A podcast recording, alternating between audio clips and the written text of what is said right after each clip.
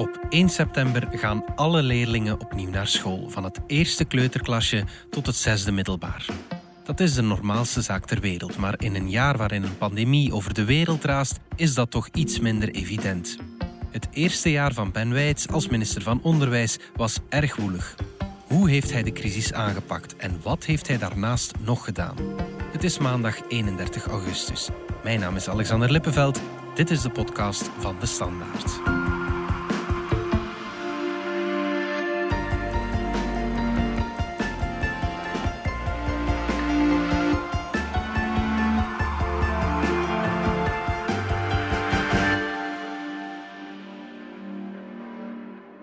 Klaas Maanhout en Simon Grimopré van onze binnenlandredactie, de West-Vlaamse Alliantie. Uh, jullie volgen het onderwijs voor de krant.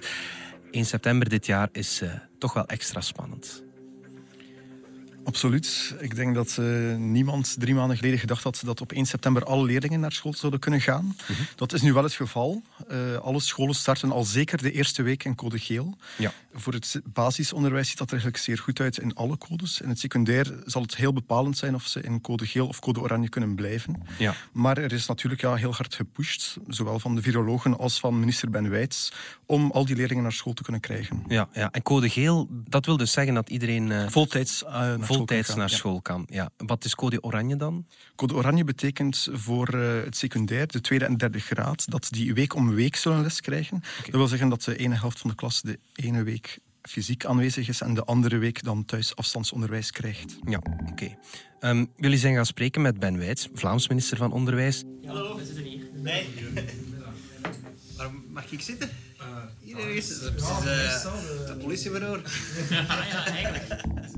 Ik kan me voorstellen dat hij wel blij is dat iedereen naar school kan, of toch die eerste week. Absoluut. Hij heeft uh, vanaf dag één altijd het belang van de leerlingen vooropgesteld. Hij heeft uh, op een nogal voluntaristische wijze toch altijd gepleit om de scholen open te houden. Dat was op dat moment eigenlijk niet echt logisch, want mm -hmm. alle scholen in de buurlanden zijn die week of de week nadien ook gesloten. Maar toch heeft de minister er altijd voor gepleit om de scholen open te houden en daar kan hij eigenlijk nog altijd wat krediet uit uh, krijgen. Mm -hmm.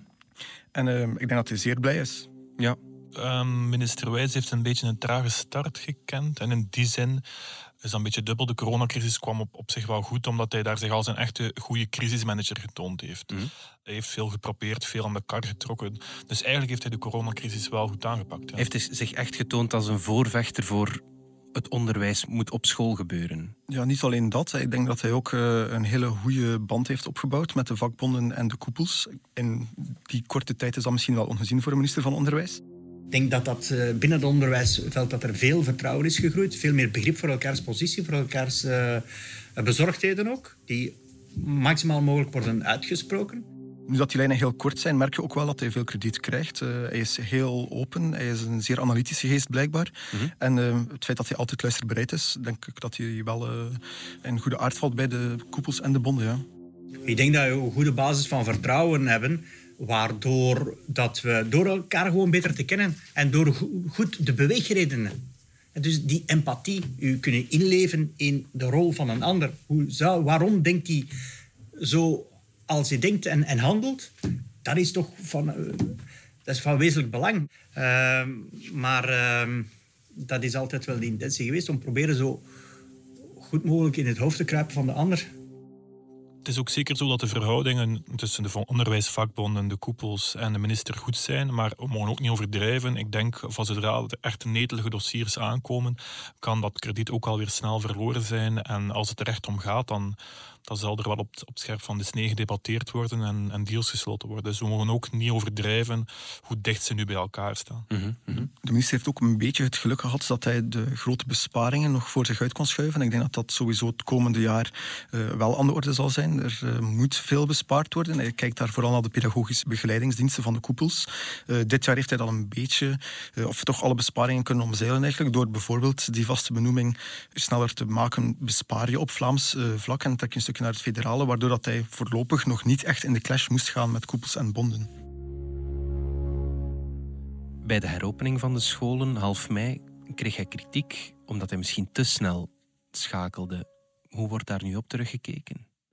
Ja, ik denk dat dat een beetje zijn stijl is. Ook qua communicatie is hij nogal uitbundig soms. Mhm. Hij heeft inderdaad kritiek gekregen daar, omdat hij hoog mikte. Maar ik denk dat het in zo'n situatie soms geen kwaad kan om hoog te mikken en dan zie waar dat je uitkomt. Dat is een kleine crisis geweest, maar uiteindelijk heeft hij dat snel overwonnen en is dat snel ook gaan leggen. Dus ik denk dat dat uh, ja, zijn stijl is en dat het uiteindelijk wel resultaat heeft opgeleverd. Mm. Natuurlijk is het wel zo dat uh, heel veel directies en leerkrachten op dat ogenblik wel enorm gefrustreerd waren, omdat de minister een paar keer niet alleen voorbarig gecommuniceerd heeft, maar ook de draaiboeken heeft laten aanpassen. Er kwamen heel veel vragen en ongerustheden van ouders, maar ook van leerlingen en leerkrachten, waardoor dat er natuurlijk wel een bepaalde frustratie was. Maar ik denk dat hij daar voorlopig wel mee wegkomt, ja. Um, hoe spreekt hij zelf over uh, zijn aanpak van de coronacrisis? Ik denk dat hij uh, zelf al toegeeft dat hij een tafelspringer is. Dat hij ook uh, zelf het heft in handen heeft genomen. Dat hij niet echt uh, nog veel belang hecht vandaag en eigenlijk al maanden niet aan de Nationale Veiligheidsraad. Hij heeft hen daar een beetje in snelheid gepakt, denk ik. Ja, ja nee, hij speelt het ook wel uit natuurlijk met forse taal in het interview. Ik heb met mijn eigen beleidsdomeinen op dat vlak dan iets meer geluk dat ik dat naar mij kan toetrekken en kan zeggen van Federale Veiligheidsraad op of onder. Ik ben bevoegd, hè. En ik ga zeggen wat het... Uh, en in het begin heeft men dan nog proberen stokken in de wielen te steken. En heeft men ook stokken in de wielen gestoken. Dus ik was daar razend voor dat uh, men besloten had om de scholen te sluiten. Maar ja, je moet wel moet vechten voor je, uh, voor uw beleidsdomein en voor, uw, voor uw leerkrachten, voor uw ouders, voor uw kinderen. Um, en, maar dat was een beetje gemakkelijker, omdat ik natuurlijk ook altijd kon schermen met het juridische. Hè. Ik heb ook op een bepaald moment gezegd: Ga jij beslissen? We denken niet. See you in court, hè? Ik ga dat doen. We zullen zien dat, dat er gevolgd wordt.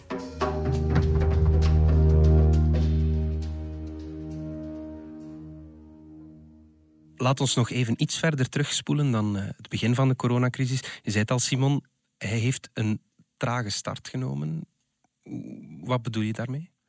Ja, de eerste vijf, zes maanden is er eigenlijk relatief weinig gebeurd. Dat heeft misschien te maken met het feit dat zijn kabinet, wat betreft onderwijsmensen, eigenlijk maar heel langzaam uh, vol geraakte. Dat heeft hij ook zelf toegegeven in het interview. Mm -hmm. Hij heeft bijvoorbeeld heel laat iemand voor hoger onderwijs gevonden. En ik denk dat dat wel een impact had op de manier waarop de dossiers konden verwerkt worden. Mm -hmm. Hij zelf ziet dat natuurlijk anders. Hij zegt dat hij al bakens verzet heeft, ook los van de coronacrisis. Als het gaat over onderwijskwaliteit, wel wat zaken in gang gezet.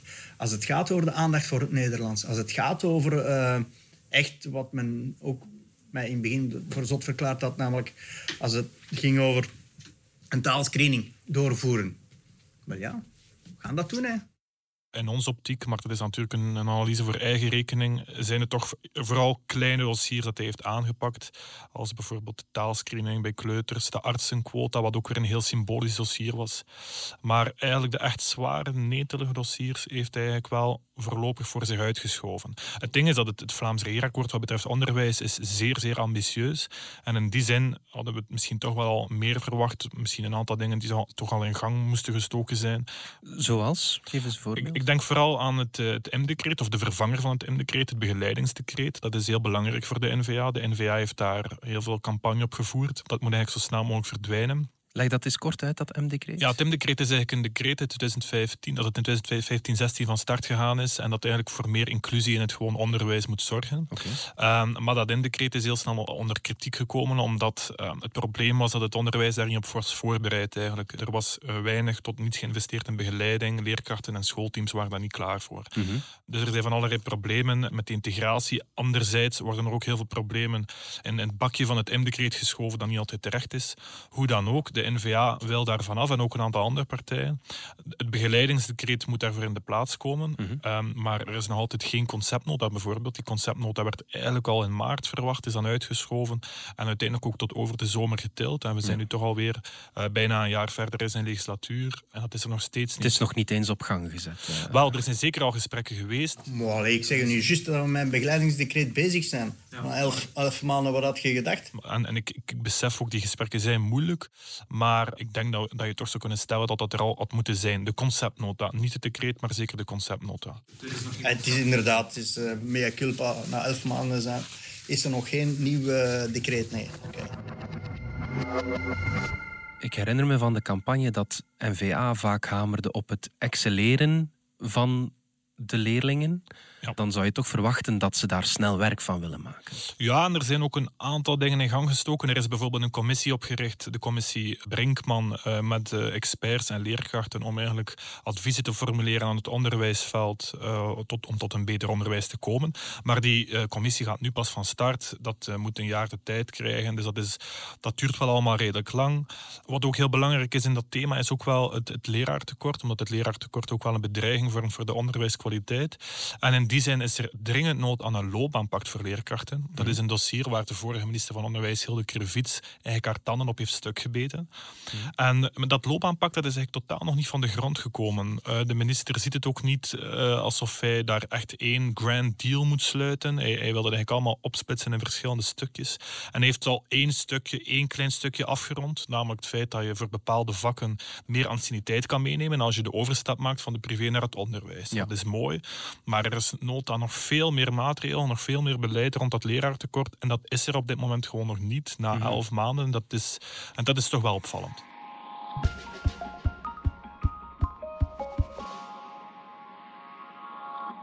Iets wat ook al vaak besproken is, is die vaste benoeming. Daar is heel veel om te doen geweest, maar Ben Wijts had daar toch in jullie interview een opvallend standpunt uh, over om daarover, over die vaste benoeming. Dus je kunt bezig blijven en zeggen van die vaste benoeming, wij vinden dat verwerpelijk. Oké, kun je dat prima vinden, maar in de volle wetenschap dat dat nooit zal, uh, zal afgeschaft worden. Je mocht dat vinden, maar dat zal niet gebeuren. Wijt zei dus heel duidelijk dat de vaste benoeming nooit zal verdwijnen. En hmm. dat is wel ergens opvallend, omdat uh, Wijts duidelijk niet de grote transformator in het onderwijs wil zijn. Hij, hij, beseft dat er ook wel nood is aan maatregelen in zaken HR-beleid, maar het is duidelijk dat hij daar niet de grote big bang wil, wil teweegbrengen. Op, op dat vlak is hij eigenlijk niet zo voluntaristisch. Uh, Waar hij in de coronacrisis eigenlijk heel voluntaristisch was en met heel veel ambitie bezig was, is het op vlak van dat loopbaanpact eerder heel voorzichtig. En hij beseft ook, die vaste benoeming is zeer gevoelig, vooral hmm. bij eh, de sociale partner, bij de vakbonden. Dus hij beseft dat hij, ja, het is een beetje choose your battles en hij heeft duidelijk gekozen om de vaste benoeming eigenlijk als iets positiefs te gebruiken, voor zover dat kan, en daar niet het gevecht te voeren. Aan de andere kant is waarom hebben we vooral sommigen daar problemen mee, is natuurlijk vanwege de negatieve uitwasemen. Want het is enerzijds een positief gegeven, zeker als je het lerarentekort wil aanpakken, dat je die zekerheid kan bieden, zeker in deze onzekere tijden. Dat je mensen kunt aantrekken, je kunt zeggen... Hé, hey, dat is wel aantrekkelijk, zeg. Die vaste benoeming. Waarom is hij daar dan zo voorzichtig in? NVA heeft nu een minister van Onderwijs. Ze vragen er al een tijdje om. Ergens verwacht je een soort van revolutie, maar die lijkt er toch nog niet meteen te komen. Ja, ik denk het wel. N-VA had voor de verkiezingen onderwijs al geclaimd. Um, en dat was eigenlijk ook heel scherp geweest voor onder andere het katholiek onderwijs. Mhm. En eigenlijk had iedereen wel verwacht dat er echt een enorme clash zou zijn tussen de minister en het middenveld. Met name dan die koepels bijvoorbeeld. Omdat volgens de N-VA hebben die koepels en met name het katholiek onderwijs, de grootste koepel, te veel macht. En eigenlijk is die clash totaal uitgebleven. Dat was eigenlijk al wat zichtbaar direct na het aantreden van minister Wijs. Hij gaf al zo aan van, ik ga aan de vaste benoeming niet raken ik ga niet al boksen door het onderwijs. Het is niet enkel door de coronacrisis dat Wijts en de koepels dichter naar elkaar uh, Zeker niet. Het was daarvoor ook al bezig. Er waren een aantal dossiers waar er wel wat spanning was en er zal altijd wel spanning zijn. Maar het was, het was eigenlijk al van het begin duidelijk dat hij daar niet voor de grote clash kieste. De coronacrisis kwam daar nog eens bij. Dat was wel opvallend, ja. Mhm. Misschien een heel open vraag, maar hoe moeilijk is het om iets structureel te veranderen in een sector als het onderwijs? Ja, ik denk dat dat heel moeilijk is. Mhm. Eh, zeker als het, als het gaat om zoiets als personeelsbeleid. Iets dat zo fundamenteel is. Bijvoorbeeld, uh, hoe dat nu systeem is, is dat leerkrachten eigenlijk betaald worden of ook georganiseerd worden volgens contact- en lesuren. 20, 22 uur. En alles draait daar rond. Mhm. De baas van het katholiek onderwijs, Lieven Boeve, heeft deze week voorgesteld om daarvan af te stappen en eigenlijk meer naar een soort 38, 40 uur week, een beetje meer zoals in andere sectoren te evolueren. Maar dat is zo'n transformatie en het onderwijs dat ook wel gekend dat dat, uh, dat, dat moeilijk ligt, soms een beetje conservatief. Um, de verworven rechten zijn belangrijk. Um, en ik denk dat de geschiedenis dat ook gewoon aantoont. Uh, Hilde Krvits bijvoorbeeld is vastgelopen op een aantal discussies in haar loopbaanpact. Een aantal discussies waar hij denkt van ja, dat, hoe kan dat nu dat dat zo gevoelig ligt? Uh, Maar en dat, dat zal Ben ook wel nog tegenkomen, denk ik ik denk dat het zeer moeilijk is, ja.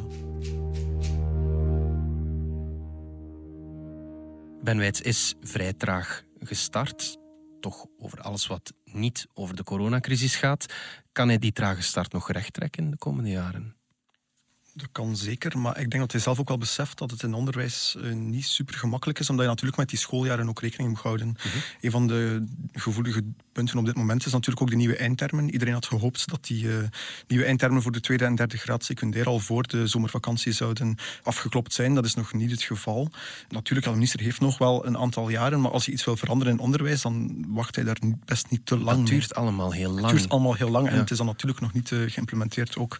Ja, vooral omdat het uh, regeerakkoord wel zeer ambitieus is en als alles daar wordt uitgevoerd, dat dat wel een, een kleine transformatie zal zijn van het onderwijs. Mm -hmm. Maar uh, ja, dan moet hij wel een aantal dingen. Uh... Zijn er dingen die hij, die hij meeneemt uit de coronacrisis? Dingen waarvan hij van zegt van dat ging eigenlijk wel heel goed en dat, dat moeten we behouden? Absoluut. Ik denk dat ook voor de minister enkele pijnpunten wel pijnlijk duidelijk geworden zijn.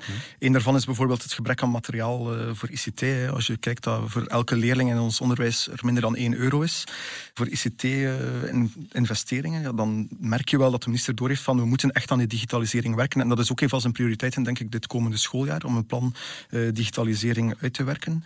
De minister was zelf ook, of gaf toch aan, een grote fan te zijn van afstandsonderwijs. Pleitte daar ook voor om dat structureel te verankeren. we hebben natuurlijk gemerkt dat hij dat ondertussen niet meer echt heel hard promoot. Hij is daar een beetje vaag over. Ook vanaf dat de scholen weer voltijds konden opengaan, pleitte hij voor vijf dagen fysiek aanwezig zijn op school. Maar ik denk wel dat dat iets is dat hij zal kunnen of moeten meenemen. Ja. Het afstandsonderwijs is hier om, om, om er te blijven. Uh, maar het is natuurlijk de beste instructie is nog altijd die door gepassioneerde leerkracht in de klas. En afstandsonderwijs kan daar een perfecte aanvulling op zijn of voordat dat je iedereen bereikt. Hm. En dus dat, dat zal ook een blijver zijn. Uh, en wil ik ook nog dat afstandsonderwijs structureel verankeren in het kader van een, uh, een plan digitalisering van het onderwijs dat ik uh, eind deze maand ook wil voorleggen. Hoe wil hij die digitalisering dan aanpakken? Als je van 1 euro per leerling naar bijvoorbeeld iedereen een laptop wil gaan, dan moet je wel een heel grote sprong maken. Wel, hij heeft wel uh, extra geld vrijgemaakt om uh, in ICT te investeren. Ik denk uh, net voor de zomervakantie dat hij heeft aangekondigd om nog 35 miljoen te investeren. Net daarom ook dat we die 35 miljoen euro extra, dus dat is een meer dan verdubbeling van het ICT-budget. Het lijkt een heel groot bedrag op school- en leerlingenniveau is dat natuurlijk uh, peanuts. Dat is 35 is euro per leerling dan zo gezegd. Zelfs minder, denk ja, ik. Ja. en um, natuurlijk toont het wel aan dat er stappen gezet kunnen en moeten worden in ICT. Ik denk dat heel veel leerkrachten nog steeds uh, toch een beetje koudwatervrees hadden voor de coronacrisis of voor de lockdown. En dat uh, die periode van afstandsonderwijs toch wel voor veel mensen de ogen heeft geopend. Ook wat de mogelijkheden zijn. Niet alles is even vlot gegaan, zeker de eerste weken en maanden. Ook bepaalde platformen die niet altijd even klaar waren voor die massale toestroom. Maar ik denk wel dat heel veel leerkrachten daar nu toch de voordelen van zullen inzien. Mm, en de leerlingen zelf? De leerlingen zelf, ik denk dat er een heel grote diversiteit is aan leerlingen en gelukkig maar. Ik denk dat voor sommige leerlingen een hele grote troef was.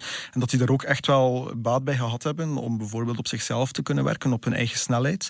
Uh, voor andere leerlingen is het absoluut niet de beste methode. Dat moeten we ook wel eerlijk erkennen. Uh, bijvoorbeeld in uh, veel praktische richtingen is het niet evident om leerlingen thuis te bereiken. Ook omdat de thuissituatie van elke leerling heel verschillend is. Ja.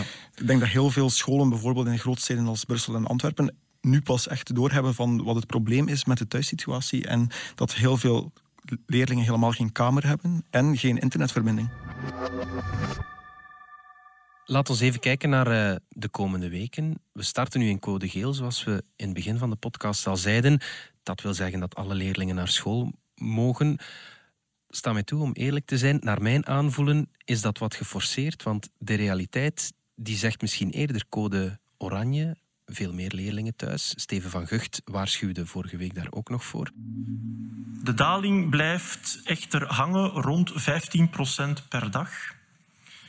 Dat zou betekenen dat er op het moment dat de scholen terug opengaan, op 1 september, er nog steeds zo'n 400 nieuwe besmettingen per dag zouden bijkomen. Waarom wordt er nu toch zo hard op code geel ingezet? Als we natuurlijk kijken naar de draaiboeken die in juni zijn opgesteld, dan zou je er inderdaad van uitgaan dat we eerder in code oranje uh, starten dan in code geel. Dat is zeker niet alleen minister Wijts. Ik denk dat hij zeker gesteund is door zowel uh, het onderwijsveld, maar zeker ook door de, experten en de G's. Pleiten er dan toch voor om in code geel van start te gaan. Ik denk dat dat vooral ook komt omdat ze het kind op de eerste plaats willen zetten. Dat ze net willen ja. aandacht hebben ook voor dat sociale welbevinden van die kinderen. Ja, die visie over wie mag er naar school en wie niet, is in de zomervakantie wel wat geëvolueerd dan, of niet? Ik denk dat iedereen ervan uitging in geel dat we deze zomer geen uh, tweede golf of golfje zouden kennen. Mm -hmm. um, men heeft dan natuurlijk wel beslist van oké, okay, kinderen moeten wel een prioriteit zijn. En ik denk dat de geest daar ook keuzes gemaakt heeft om net alles op dat onderwijs te zetten. Een situatie zoals dit voorjaar met alle leerlingen thuis, kan dat nog gebeuren? Op dit ogenblik ziet dat er eigenlijk heel onwaarschijnlijk uit. Maar ik zou zeggen, zeg nooit nooit. Als we binnen twee maanden ongelooflijke broeihaarden hebben op scholen, ja, dan zal het misschien wel zo zijn. Maar dit ligt voorlopig nergens op tafel. Nee. En stel dat die scholen broeihaarden blijken, welke gevolgen heeft dat voor Ben Wijts? Ja, aangezien dat hij als eerste natuurlijk ervoor pleit om de scholen altijd open te houden, zal hij misschien ook wel de eerste zijn die erop afgerekend wordt. Alhoewel dat ik denk dat het dus niet alleen zijn uh, verantwoordelijkheid is, maar dat de geest ook hem echt wel steunt. Mm -hmm, mm -hmm. Gaat het onderwijs ooit terug naar normaal? Zal deze crisis het onderwijs kunnen veranderen? Ja, ik vind eigenlijk uh, dat verbazingwekkend alles al een beetje meer naar het oude gaat eigenlijk. Ja. Ik denk dat er zo wat aan het einde van vorig schooljaar een beetje een revolutionaire sfeer bestond bij het onderwijs, dat alles anders ging zijn.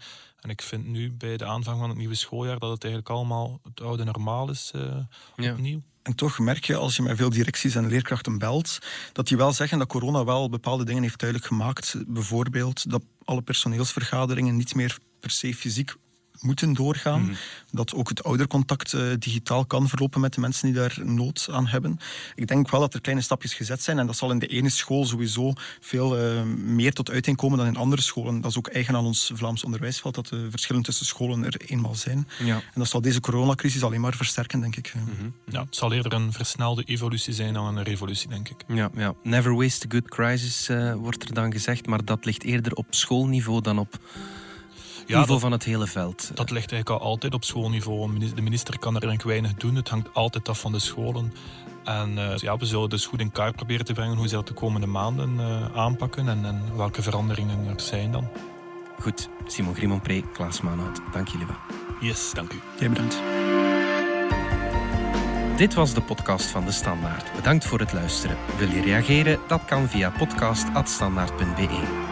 Alle credits vind je op standaard.be-podcast. Morgen zijn we opnieuw.